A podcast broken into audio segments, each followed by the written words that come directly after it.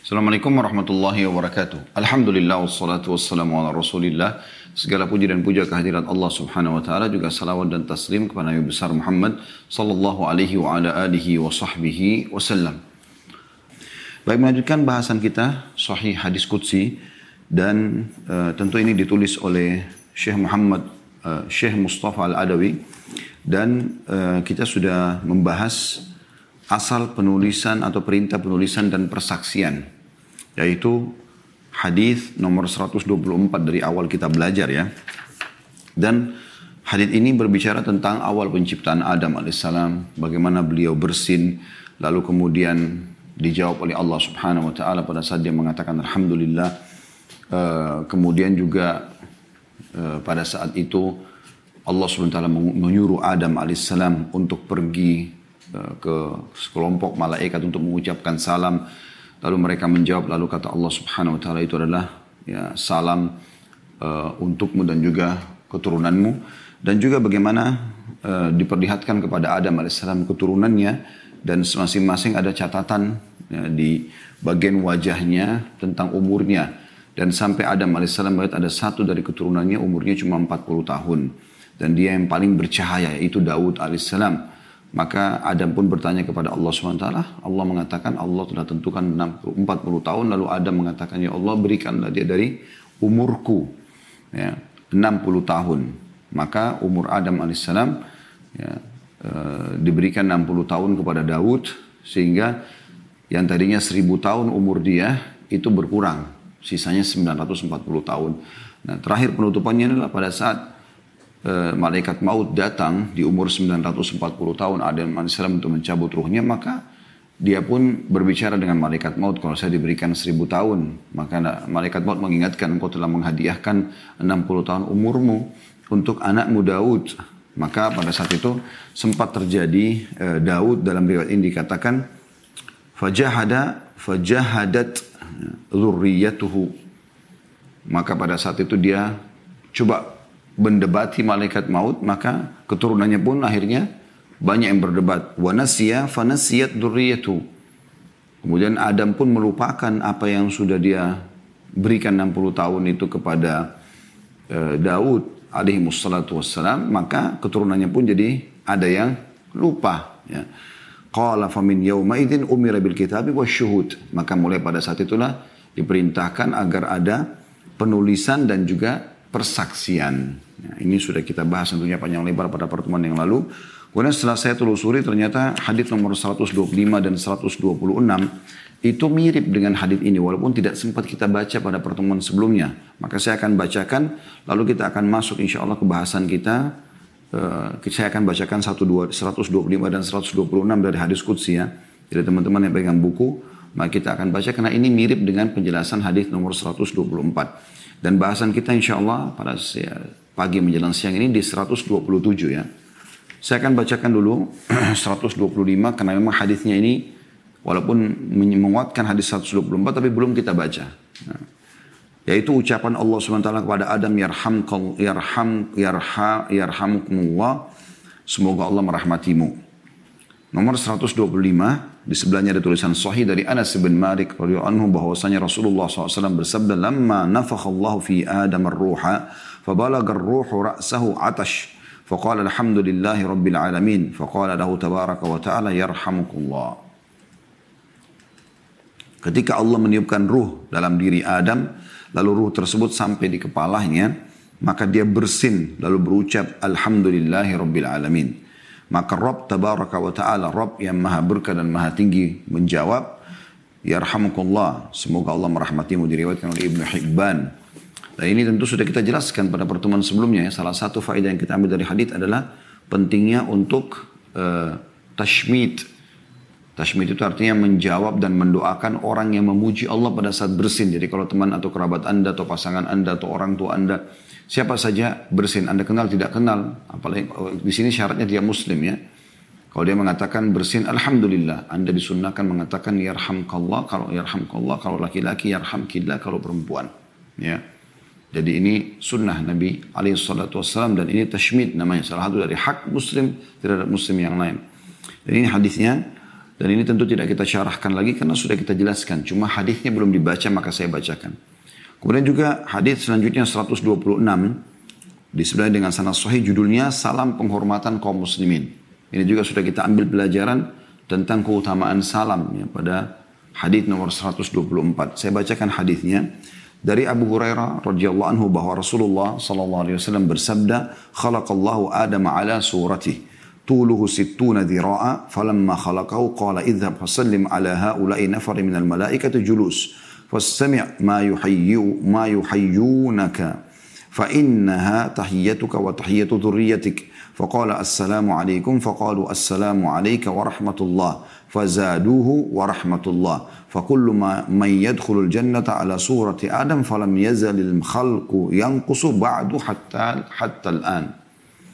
Allah subhanahu wa ta'ala menciptakan Adam dalam bentuk rupanya tingginya 60 hasta setelah menciptakannya, Allah berfirman kepadanya, maksudnya Adam 60 hasta tingginya, sekitar 27,5 meter atau 30 meter ya, kurang lebih seperti itu. Lalu Allah setelah menciptakan mengatakan, pergilah, lalu ucapkan salam kepada mereka, maksudnya segolongan malaikat yang sedang duduk. Kemudian dengarlah salam yang mereka ucapkan kepada maksudnya jawabannya. Sebab itu adalah salammu dan salam keturunanmu. Lalu dia mengucapkan, Assalamualaikum. Artinya keselamatan untuk kalian. Adam alaihissalam mengucapkan kepada para malaikat. Mereka pun alaihissalam para malaikat menjawab, Assalamualaikum, Assalamualaikum warahmatullah. Keselamatan juga untukmu dan ditambahkan padanya dan semoga Allah memberimu rahmat. Mereka menambahkan dengan warahmatullah. Setiap orang yang masuk surga berperawakan Adam. Manusia terus mengecil setelah Adam hingga sekarang. Hadis riwayat Bukhari Muslim. Dan yang kita tidak beratkan adalah potongan hadis terakhir saja. Yaitu bagaimana Adam AS diciptakan 60 hasta, sekitar 27,5 meter atau hampir mendekati 30 meter. Ya, tingginya jadi seperti sebuah bangunan besar ya, kayak building gitu ya. Kemudian kata Nabi SAW, manusia terus mengecil. Sampai sekarang, maksudnya sampai di waktu beliau hidup, ada juga yang mengatakan sampai menjelang hari kiamat. Makanya sekarang kalau ada orang yang tingginya 2 meter aja sudah dianggap tinggi sekali di zaman kita kan. 2 meter. Padahal di zaman Adam AS diciptakan 60 hasta. 27,5 meter. Jadi beda jauh sekali. Jadi masih sekitar 25 meter kurang lebih antara kita sama Adam AS. Beda jauh. 25 meter sangat tinggi. Anda kalau punya rumah, biasanya rumah itu normalnya tingginya kan 3 meter ya. Antara lantai ke atap tiga setengah meter. Kalau ada lima meter itu sudah tinggi sekali. Nah, itu aja sudah luar biasa kalau ada manusia seperti itu. Bagaimana kalau dia ya 27 setengah meter dan dipastikan bahwasanya kita akan kembali sebagai ahli surga ke perawakan Adam alaihissalam. Jadi nggak ada lagi orang yang pendek, nggak ada lagi orang yang jelek, nggak ada lagi orang yang tua, nggak ada lagi orang yang sakit pada saat masuk surga. Semoga Allah swt menjadikan kita penghuninya. Baik teman-teman sekalian, kita akan masuk ke bahasan kita. Hadis nomor 127 dengan sanad sahih tentang Nabi Allah Yunus alaihissalam. Ini bahasan kita. Makanya ini ada temukan di flyer seperti itu ya. Dan insya Allah pertemuan akan datang juga kita akan bahas tentang kisah Musa bersama Khidir alaihi yang memang ditulis dalam uh, bab kita setelahnya. Baik saya akan bacakan sebuah hadis yang diangkat oleh beliau yaitu hadis dari Abu Hurairah radhiyallahu anhu dari Nabi SAW bahwasanya dia yakni Allah tabaraka wa taala. Jadi hadis ini diskusi. Allah berfirman, la yang bagi li abdin li dalam kurung wa qala ibnu muthanna li abdi. Kemudian masuk tutup kurung lalu dikatakan ayyakula ana khairum min Yunus min Yunus bin Matta alaihi salam. Tidak patut bagi hamba milikku kata Allah. Lalu dalam kurung Ibnul Muthanna mengatakan, maksudnya perawi hadis yang menukil dalam sanad hadis dari Abu Hurairah mengatakan bagi hambaku jadi bisa ada dua riwayat li abdin li au li abdi. Hamba milikku atau hambaku kata Allah SWT tidak layak bagi hambaku yang uh, mengatakan untuk mengatakan aku lebih baik daripada Yunus bin Matta alaihi salatu alaihi, alaihi, alaihi salatu wassalam. Hadis riwayat Muslim dan Bukhari jadi hadis ini setelah saya lihat judulnya dan saya baca hadisnya, ternyata memang hadis ini berbicara tentang Nabi Yunus alaihissalam. Tepatnya keutamaan Yunus alaihissalam. Dan kita akan ambil insya Allah dua buah pelajaran dari hadis ini yang akan kita rincikan semoga Allah berkahi dan ikhlaskan niat kita dan memberikan sebagai ilmu tambahan buat kita yaitu tentang kisah Yunus alaihissalam dan juga tentang masalah pentingnya tawadhu merendah di dalam Islam. Baik teman-teman sekalian, saya akan coba bacakan dulu beberapa hadis ya eh, selain hadis qudsi ini yang mirip dengan hadis ini. Yang mirip dengan hadis ini. Yaitu hadis yang diriwayatkan Imam Bukhari. Kalau ada yang mau catat silakan di nomor 3412 ya. Imam Bukhari meriwayatkan di nomor 3412 dan Imam Ahmad meriwayatkan di jilid 1 halaman 390. Imam Ahmad jilid 1 halaman 390 juga beliau ulangi di 440 beliau juga ulangi di 443 yang bunyinya kata Nabi SAW jadi hadis ini dari Sahih riwayat Bukhari La yang bagi di abdin ayyakul ana khairu min Yunus ibn Matta. Tidak layak dan tidak boleh sebenarnya. Bagi seorang hamba mengatakan aku lebih baik daripada Yunus bin Matta. Ya, Nabi Yunus AS sama ayahnya Matta. Juga dalam hadis yang lain ya, diriwayatkan juga oleh Bukhari dengan uh, nomor yang sama 3412 jadi dari satu nomornya dan beberapa riwayat yang beliau nukil. Namun ini juga diriwayatkan oleh Imam Muslim di nomor 2377. Dan Imam Ahmad mengulangi hadis ini di banyak sekali ya di halaman-halaman musnad beliau di jilid 1 halaman 242, 245, 292, 342, 348 dan juga Abu Daud sebutkan di nomor 4669. Intinya diriwayatkan oleh Bukhari, Muslim dan Imam Ahmad juga Abu Daud. Sabda Nabi SAW, Ma yang bagi li abdin an yakula inni khairum min Yunus bin Matta. Tidak layak bagi seorang hamba mengatakan, aku lebih baik daripada Yunus bin Matta. Jadi ini lafaz-lafaz riwayat ya. Abu Hurairah menukil, ini kebetulan saya ambil dari uh, sahih kisah atau kisah kisah Nabi, kisah Sul Anbiya dan ini dinukil dari diambil dari kitab Sahih Bukhari tentang perkataan e, permasalahan ini ya. Abu Hurairah meriwayatkan bahwa seorang muslim menampar seorang Yahudi dan mengatakan yang yang mengatakan Yahudi ini tidak demi zat yang telah memilih Musa atas semua manusia. Maka karena kejadian itu Nabi SAW menyebutkan hadis di atas. Tidak layak bagi seorang hamba mengatakan bahwasanya aku lebih baik daripada Yunus ibn Matta. Dan ini pernyataan yang luar biasa ya. Bagaimana e, harusnya seseorang memahami masalah ini. Nanti kan kita jelaskan di sini. Kemudian Imam Bukhari berkata dan aku tidak mengatakan bahwa ada seseorang yang lebih baik daripada Yunus ibn Matta. Hadis riwayat Bukhari di nomor yang tadi sama kurang lebih e, empat nomor setelahnya tiga empat enam belas dan Muslim juga meriwayatkan di dua tiga tujuh enam. Baik teman-teman sekalian, hadis ini menyebutkan kepada kita tentang keutamaan Nabi Yunus alaihissalam. Bagaimana beliau alaihissalatu wassalam memiliki kedudukan yang sangat tinggi di sisi Allah subhanahu wa ta'ala. Sampai-sampai tadi ada orang Yahudi mengatakan Musa ya, di atas atau dipilih atas semua manusia. Maka Nabi SAW malah menjawab mengatakan tidak layak seorang hamba mengatakan aku lebih baik daripada Yunus bin Matta. Artinya Para nabi-nabi pun tidak boleh mengucapkan itu. Ya, satu sama yang lain. Kemudian juga apalagi kalau hamba-hamba biasa selain para nabi. Lalu kemudian jadi pertanyaan, kenapa Yunus bin Matta yang diberikan sebagai uh, rujukan di sini? Karena memang beliau punya kisah sebenarnya.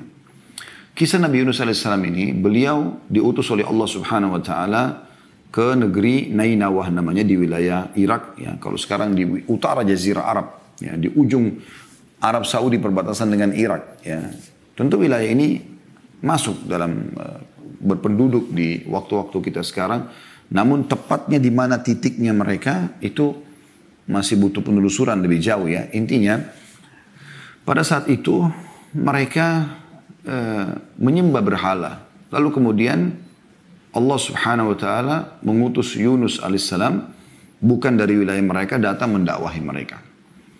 Terus saja Yunus AS mendakwahi mereka agar jangan menyembah berhala, jangan berbuat syirik. Namun mereka menolak dakwah Nabi Yunus AS. Sampai akhirnya Nabi Yunus memohon kepada Allah Subhanahu Wa Taala agar dipindahkan lokasi dakwah. Jangan di orang-orang ini orang ini menolak gitu. Ya.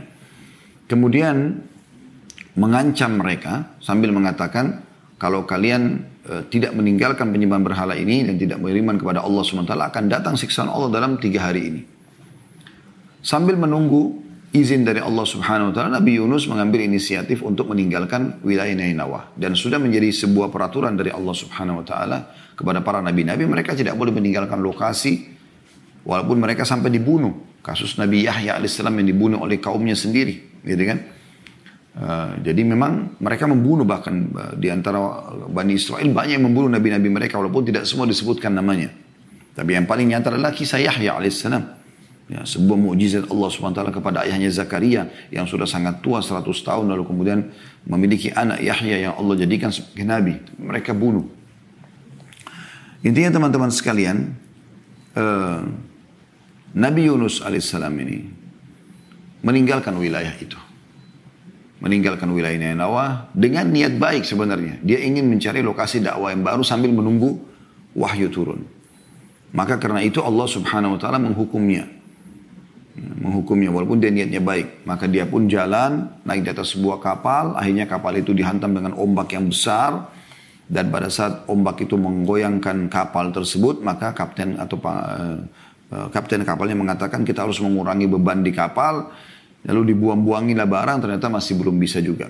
Akhirnya diundilah nama siapa kira-kira di antara mereka yang akan turun dari kapal. Ya. Tepatnya pada saat itu memang di tengah lautan. Mereka harus mengurangi beban gitu kan. Maka mereka mengundi ternyata dalam undian itu Yunus alaihissalam ya, eh, yang keluar namanya. Karena semua nama penumpang ditulis di atas sebuah kayu atau batu kemudian diundi diacak keluar nama Nabi Yunus. Yang kedua juga begitu, yang ketiga juga begitu. Akhirnya setiap kali keluar nama Nabi Yunus mereka mengatakan salah satunya kami tahu ini Nabi Allah. Mungkin ya, coba ulangi kalau ada selain dari dia kita akan coba ya. Karena mereka juga mendengar Nabi Yunus alaihissalam di lokasi Nainawa gitu kan. Tapi memang perlu kita garis bawahi teman-teman sekalian. Nabi-nabi sebelum Nabi Muhammad SAW diutus khusus untuk kaumnya. Khusus untuk kaumnya. Ya, jadi dia kalau berdakwah di Nainawah, Nabi Yunus, Nabi Yunus, tidak punya kewajiban untuk berdakwah di lokasi lain. Ya, satu-satunya Nabi dan Rasul yang Allah utus untuk seluruh alam semesta hanya Muhammad alaihi wassalatu wassalam. Hanya Nabi Muhammad SAW. Ini Nabi yang paling mulia yang Allah mengatakan wa arsalnaka ila rahmatan lil alamin. Kami tidak utus ke Muhammad kecuali rahmat bagi seluruh alam semesta. Gitu kan. Jadi eh, Nabi Yunus SAW ada yang tahu dia Nabi. Gitu kan. Kemudian Nabi Yunus mengatakan mungkin ini peringatan dari Allah. Karena dia meninggalkan wilayah Nanawa, dia merasa bersalah. Akhirnya dia pun berdiri di pinggir kapal. Lalu dia loncat dengan hikmah Allah SWT. Allah mengutus kepadanya ikan besar yang masyhur. Lalu menelannya. Lalu menelannya. Nah pada saat ditelan oleh ikan tersebut. Ya, dengan hikmah Allah Subhanahu Wa Taala dia tetap terjaga dalam perut itu dan dia memperbanyak tasbih.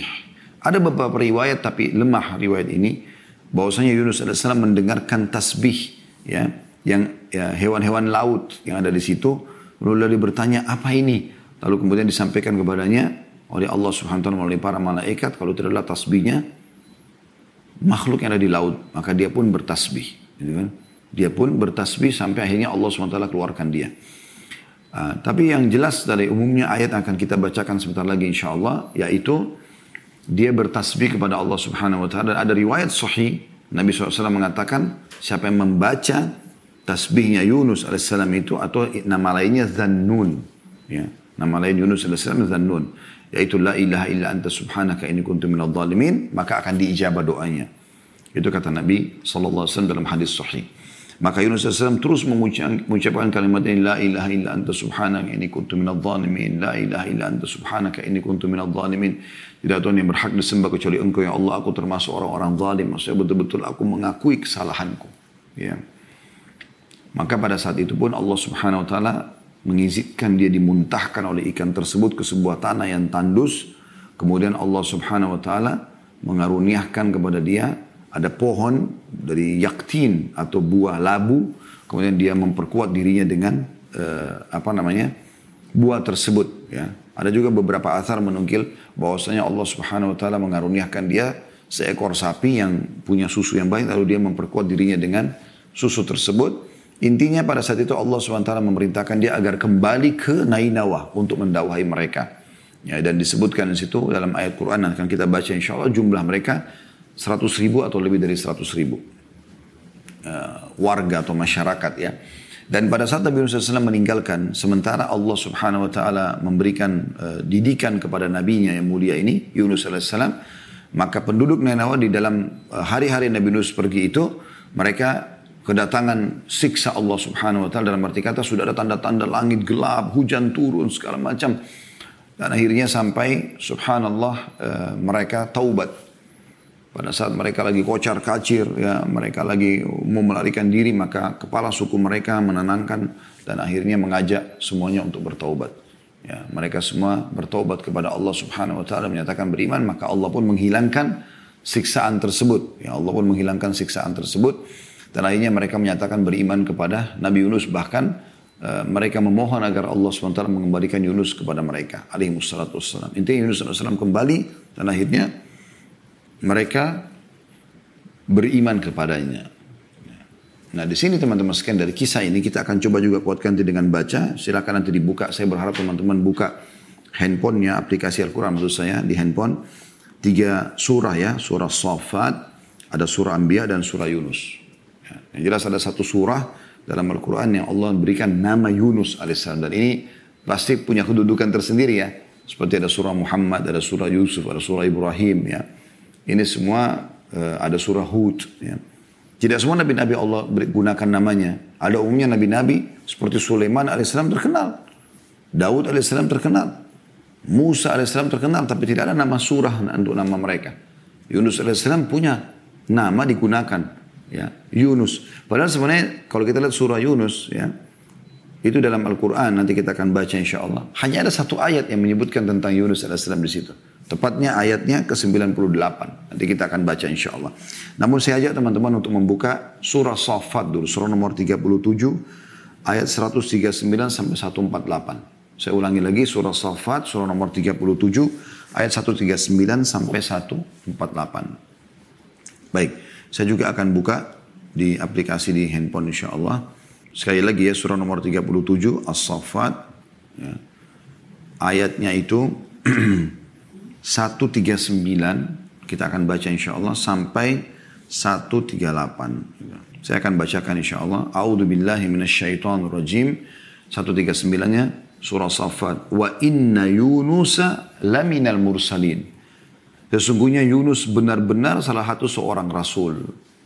Ya, salah satu seorang rasul. Jadi dipastikan memang dia adalah utusan Allah Subhanahu wa taala dan tentu nanti akan kita sebutkan teman-teman sekalian untuk menjadi utusan Allah ini punya kelebihan. Allah taala pilih mereka khusus. Bukan semuanya orang gitu. Yang paling suci hatinya, ya, yang paling sempurna fisiknya, yang paling sempurna jalur nasabnya. Bahkan mereka terkenal tidak pernah berbohong dalam hidup mereka. Orang yang paling bersih, Ayat 140-nya Allah mengatakan id abaqa ilal fulkil mashhun. Ingatlah. Makna ingat dalam Al-Quran maksudnya pelajarilah ya. Ketika ia lari ke kapal yang penuh muatan. Sudah saya kisahkan tadi ya. Kenapa dia lari ke kapal tersebut meninggalkan Nainawa. Kemudian 141-nya pada saat ombak menghantam kapal. Fasahama fakana minal mudhadin. Kemudian ia ikut berundi lalu dia termasuk orang-orang yang kalah dalam undian. Maksudnya undian di sini bukan undian judi ya tapi berundi dalam arti kata siapa di antara mereka yang dilempar dari kapal. Maka ditaruhlah nama-nama orang ditulis di atas sebuah wadah kayu atau batu kemudian diacak dari semua orang-orang yang di atas kapal maka keluarlah namanya Yunus alaihi salatu wassalam.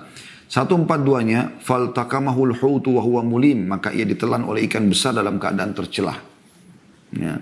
Artinya pada saat itu dia menyadari dia harus yang loncat maka dia pun loncat belum sampai ke air sudah ditelan oleh ikan yang loncat langsung menelannya. Seperti itulah. Dan tercela artinya betul-betul dia sangat lemah. Tidak bisa melawan. Apa yang dia bisa lakukan di dalam ikan tersebut. Dan umumnya orang kalau sudah masuk dalam ikan seperti ini, bisa remuk tulang-tulangnya, bisa hancur semua. Bisa dikena gigi taringnya yang tajam gitu kan. 143-nya, falaula annahu kana minal musabbihin. Maka kalau sekiranya dia tidak termasuk orang-orang yang banyak mengingat Allah. Dan ini teman-teman pelajaran penting. Makin ada masalah Anda hadapi, harusnya makin dekat dengan Allah. Itu solusi terbaik. Makin banyak berzikir, berdoa, bertaubat. Itu yang dilakukan oleh Yunus AS. Dan ini solusi terbaik untuk mengembalikan nikmat Allah kepada kita. Karena setelah uh, Nabi Yunus AS bukan minta agar diberikan kesehatan, ya dikeluarkan dari ikan, mulut ikan, ya, bukan itu. Atau diberikan keselamatan, dia hanya mengakui kesalahannya. Maka dengan itu Allah Subhanahu wa taala mengeluarkan dia dari mulut ikan tersebut. Allah sehatkan badannya, berikan dia tumbuh-tumbuhan, tadi yang saya katakan labu, kemudian juga ada kan ada sapi yang memiliki susu yang dia pernah dia minum lalu kemudian dia kembali sementara kaumnya sudah beriman kepadanya. Kan gitu. Satu empat empatnya Allah mengatakan la labitha fi batnihi ila yub'atsun maka niscaya dia akan tetap ya, tinggal di perut ikan itu sampai hari hari berbangkit. Allah subhanahu wa ta'ala akan kekalkan dia di dalam perut ikan tersebut sampai hari kiamat pada saat hari kiamat ikan itu pun mati karena semua akan mati menjelang hari kiamat maka pada saat itu pun Yunus AS ya, baru bisa terlepas dari perut ikan. Kalau dia bukan termasuk orang yang banyak bertasbih. Dan ingat tasbihnya sudah disebutkan dalam riwayat sahih adalah kalimat la ilaha illa anta subhanaka inni kuntu minadh dhalimin. Jadi pengakuan terhadap dosa kalau dia berbuat zalim. Gitu kan. Lalu 145-nya karena dia banyak bertasbih fanabadnahu bil arai wa huwa sakim. Kemudian kami lemparkan dia ke daerah yang tandus sedang dia dalam keadaan sakit.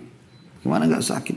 Tentu tidak ada kejelasan tepatnya riwayat berapa lama dia di dalam perut alaihissalam di dalam ikan perut ikan itu. Tapi jelas dalam beberapa menit saja atau ya, jam saja sudah cukup orang untuk remuk di dalam perut ikan yang besar dalam lautan terombang ambing di dalam situ. Ya, tidak ada yang bisa dipegangin. Belum lagi ikan itu main telan juga ikan-ikan yang lain, ya, hewan-hewan yang lain yang dia makan. Gitu kan. Dan tentu juga tidak disebutkan jenis ikannya seperti apa ya. Tentu banyak riwayat-riwayat yang lemah berhubungan dengan masalah ini, tapi tidak kita bahas. Ya. Kemudian 146-nya wa ambatna alaihi syajaratan min yakhtin lalu kami tumbuhkan pada saat kami lemparkan dia dari mulut ikan di tanah tandus tadi di padang pasir itu dan kami tumbuhkan untuk dia sebatang pohon dari jenis labu. Ya, dan ini sudah saya jelaskan di tema kita teman-teman bisa ikuti insya Allah di playlist YouTube ada corona dan solusinya dalam Islam. Itu kita bahas salah satu yang makanan terbaik adalah yaktin, labu itu. Yang sudah kami praktikin waktu itu sama Akhrido Jazakallah Khair.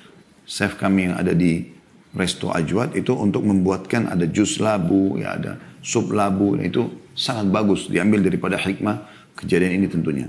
Lalu 147-nya kata Allah, wa arsalnahu ila miyati alfin aw yazidun. Dan kami utus dia kepada 100 ribu orang atau lebih.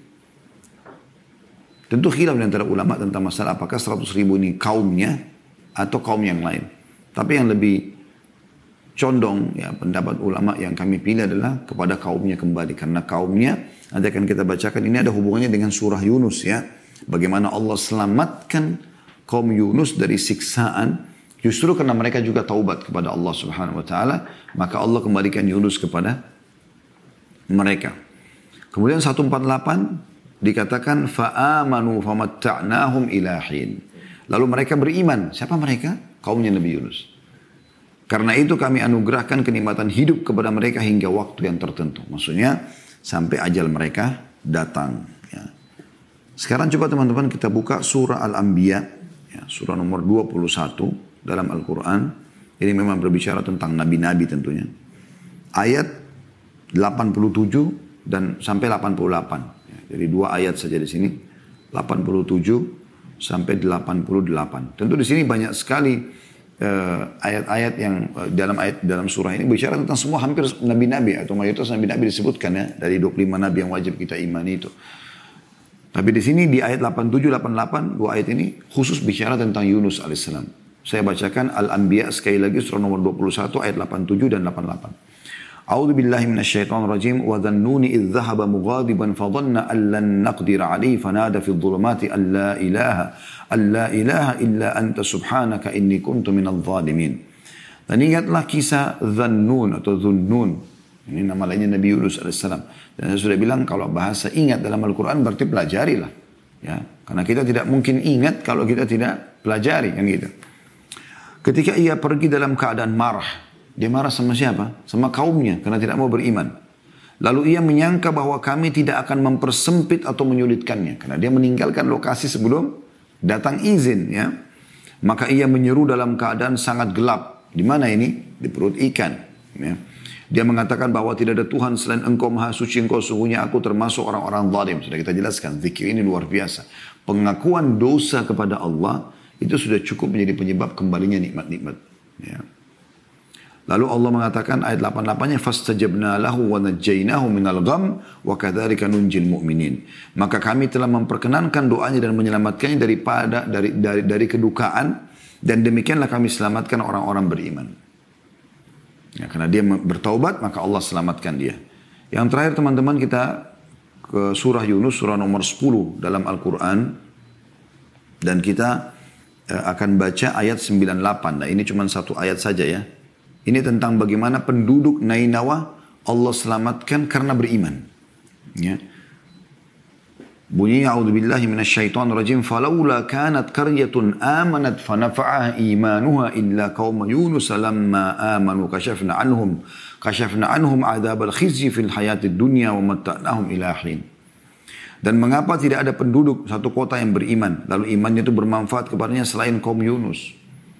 Jadi umumnya orang-orang yang kafir seperti kaum Lut, ya, kaumnya Nabi Ibrahim, ya, Namrud, kemudian uh, kaum uh, uh, Nabi Musa, Fir'aun, ya.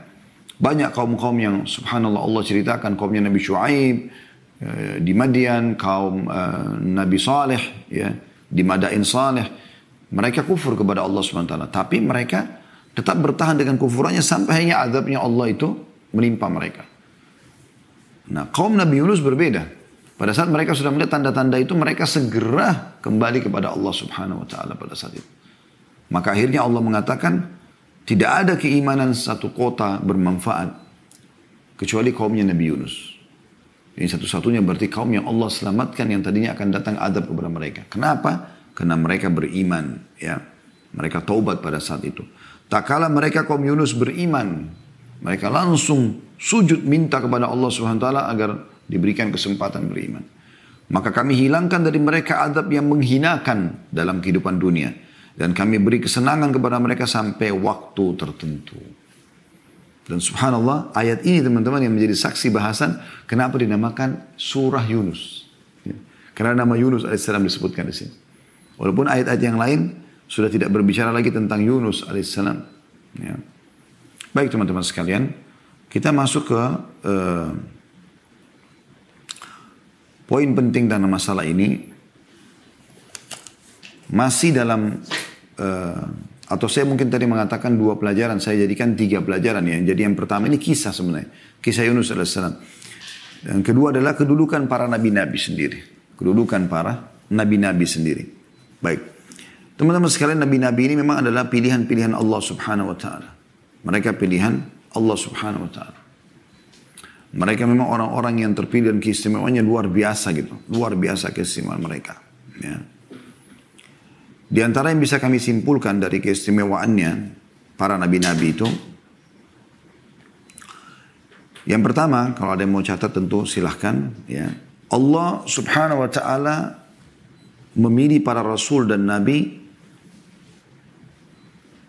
yang memiliki fisik dan paras wajah lebih daripada manusia biasa. Dan Allah subhanahu wa ta'ala telah menggambarkan tentang kisah Yusuf alaihissalam. Bagaimana dalam surah Yusuf. Ya, Allah SWT menggambarkan bagaimana para wanita Mesir tertarik pada dia dengan ketampanannya sampai akhirnya memotong jari-jari mereka dan tidak sadar kalau sedang dipotong yang dipotong adalah jari mereka. Anda bisa kembali kepada surah Yusuf. Begitu juga dengan bagaimana Allah gambarkan kekuatan fisik yang Allah berikan kepada Musa AS pada saat mengangkat batu sendirian di wilayah Madian yang tadinya harus diangkat dengan 10 orang. Ya. Nah, ini contoh dan bagaimana juga uh, itu digambarkan kepada Nabi tentang Nabi SAW. Ka'ab bin Malik radhiyallahu anhu berkata bagaimana beliau mengatakan bahwasanya saya pernah melihat bulan purnama sangat indah dan saya tertarik sampai tidak mau mengalihkan pandangan mata saya dan kebetulan itu di depan rumah Nabi SAW. Kemudian tiba-tiba terdengar suara pintu rumah Nabi SAW. Saya pun mengarahkan wajah saya ke rumah Nabi. Ternyata Nabi lagi keluar. SAW. Dan beliau baru selesai mandi menyisir rambutnya dengan rapi. Maka saya temukan Nabi lebih indah daripada bulan itu. Ya.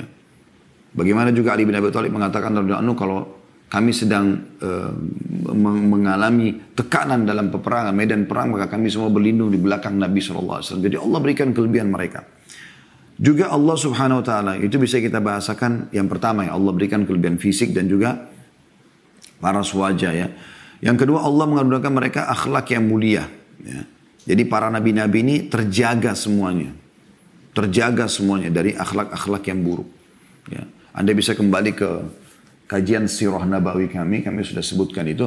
Bagaimana Nabi Muhammad SAW sebelum diutus menjadi nabi, itu beliau sendiri memang tidak tidak pernah tidak pernah bisa untuk melakukan perbuatan-perbuatan yang tanda kutip akan dianggap tercelah.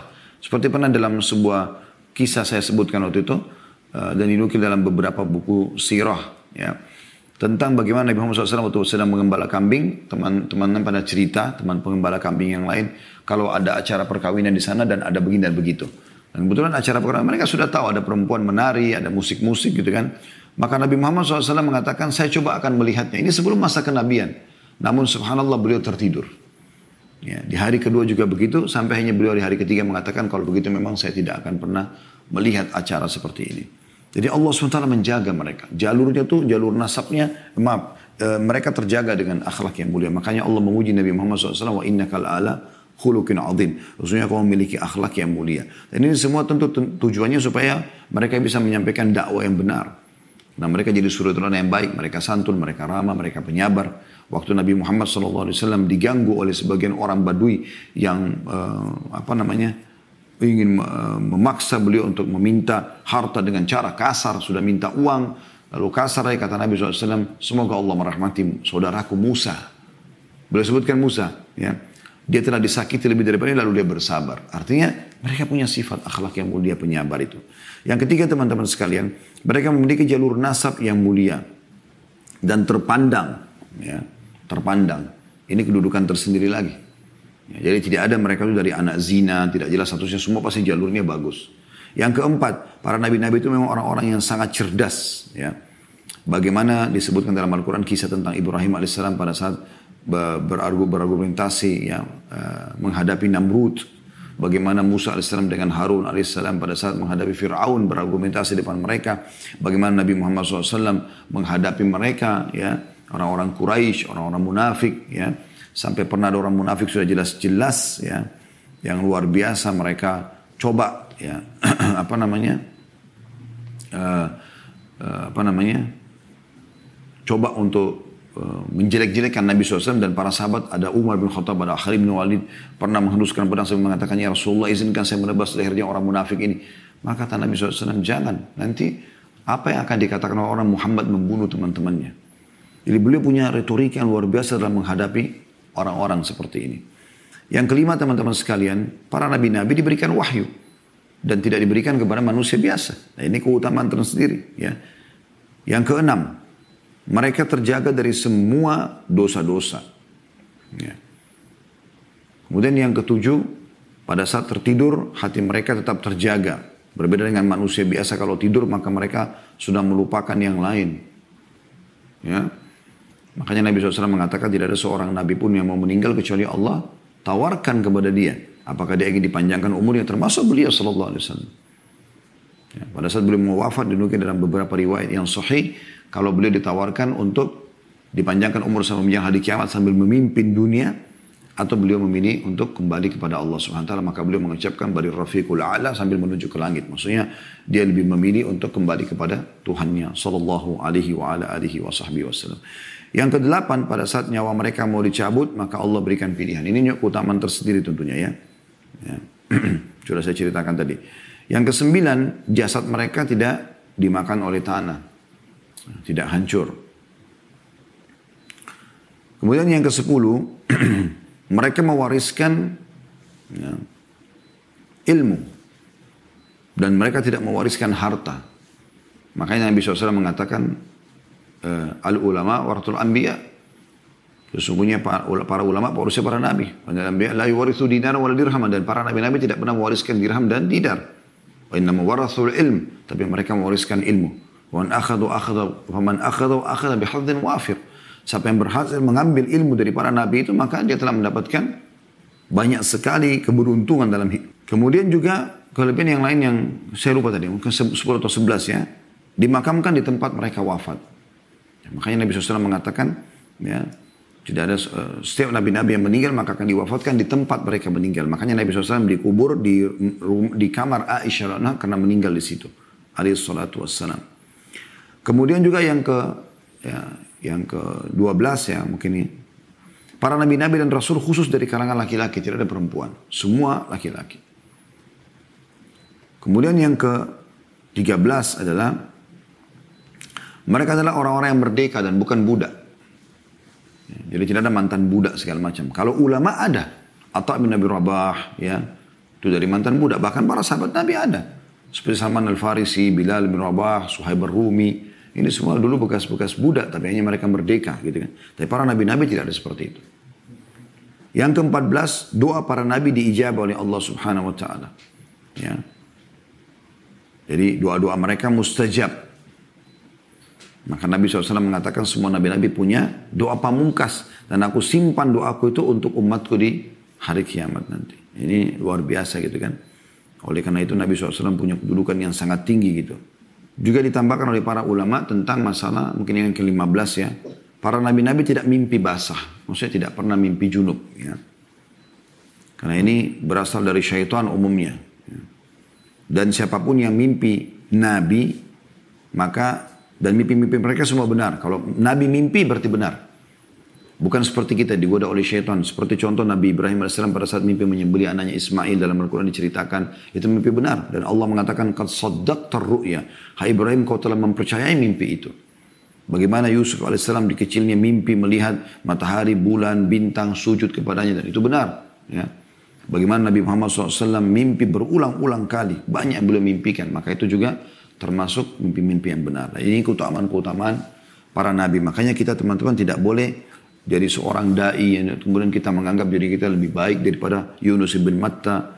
Karena Nabi Yunus meninggalkan lokasi dakwah lalu Allah hukum. Tidak boleh sama sekali kita membahasakan itu. Baik. Kita tutup teman-teman dengan faedah yang ketiga yaitu pentingnya tawadu. tawadu adalah merendah diri dan tidak menganggap remeh orang lain. Kurang begitu seperti itu kesimpulannya ya. Karena melihat waktu saya harus ringkaskan masalah ini. Punya keutamaan banyak sekali. Karena hadis ini penutupannya seperti itu. Jangan ada yang mengatakan saya lebih baik daripada Yunus ibn Matta. Kalau Allah SWT menjadikan ada seorang da'i, orang yang didengar nasihatnya, maka bersyukurlah kepada Allah. Ikhlaskan niat supaya bisa mendapatkan pahala.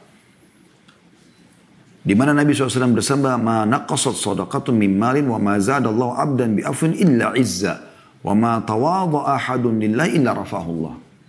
Ya. Sedekah tidaklah mengurangi harta. Tidaklah Allah menambahkan kepada seorang hamba sifat pemaaf, melainkan akan semakin memuliakan dirinya.